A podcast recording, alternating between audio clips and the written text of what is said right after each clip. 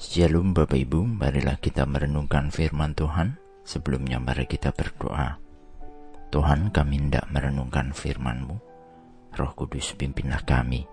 Di dalam Tuhan Yesus kami berdoa. Amin. Bacaan saat ini diambil dari 2 Tesalonika 3 ayat 16. 2 Tesalonika 3 ayat 16.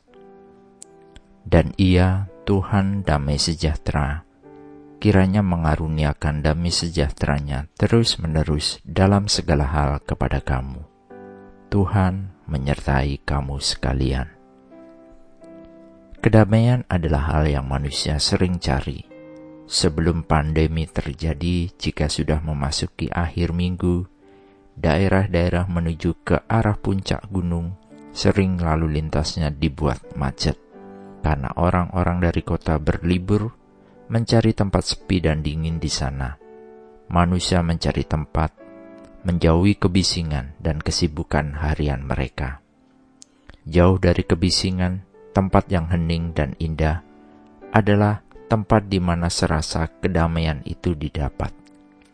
Namun, sebenarnya kedamaian yang ditawarkan oleh sistem dunia ini adalah kedamaian yang palsu, rapuh, tidak sempurna, dan semu, yang semuanya masih meninggalkan hati yang lapar dan jiwa yang kecewa. Kita hendaknya mencari kedamaian yang hakiki dalam hidup ini, dan kedamaian yang hakiki hanya bersumber dari Tuhan, seperti dalam bacaan saat ini. Kedamaian tidaklah kita bisa peroleh di dunia ini karena dosa. Dosa telah memisahkan kita dari sumber kedamaian itu sendiri, yaitu Tuhan. Dosa membawa kita kepada pemikiran diri sendiri yang penuh dengan ketidakpuasan, jauh dari rasa syukur, dan penuh dengan persaingan yang tanpa ujung. Bahkan, keserakahan ingin menguasai yang dunia ajarkan, menjadikan kita hidup dalam kebisingan dunia ini dan menjauhkan dari kedamaian dan tanpa harapan.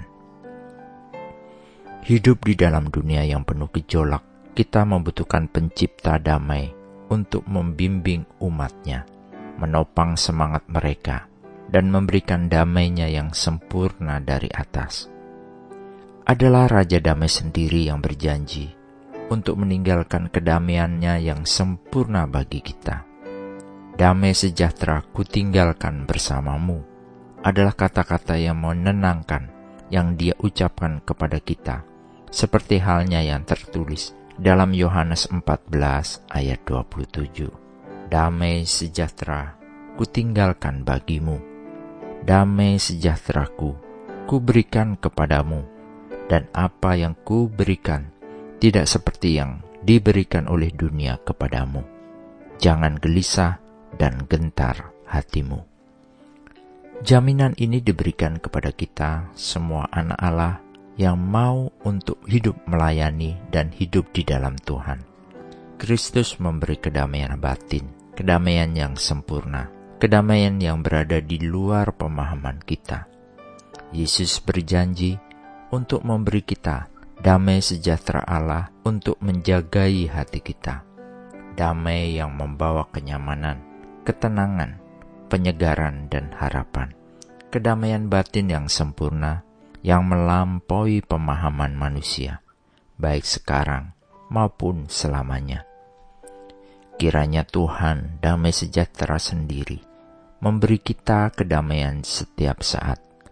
Dan dalam segala hal, semoga damai sejahtera Tuhan menyertai kita semua, sekarang dan selamanya dan semoga damai sejahtera Allah yang sempurna menguasai hati kita di dalam kesatuan roh. Amin. Mari kita berdoa.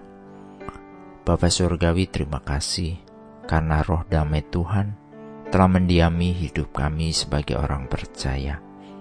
Kiranya kami dapat mencurahkan kedamaian Tuhan dalam hidup kami kepada semua orang. Dan kiranya damai sejahtera Allah yang melampaui segala akal manusia, memelihara dan mengatur hati dan pikiran kami, melalui Kristus Yesus Tuhan dan untuk kemuliaannya. Di dalam nama Tuhan Yesus kami berdoa. Amin. Tuhan Yesus memberkati. Shalom.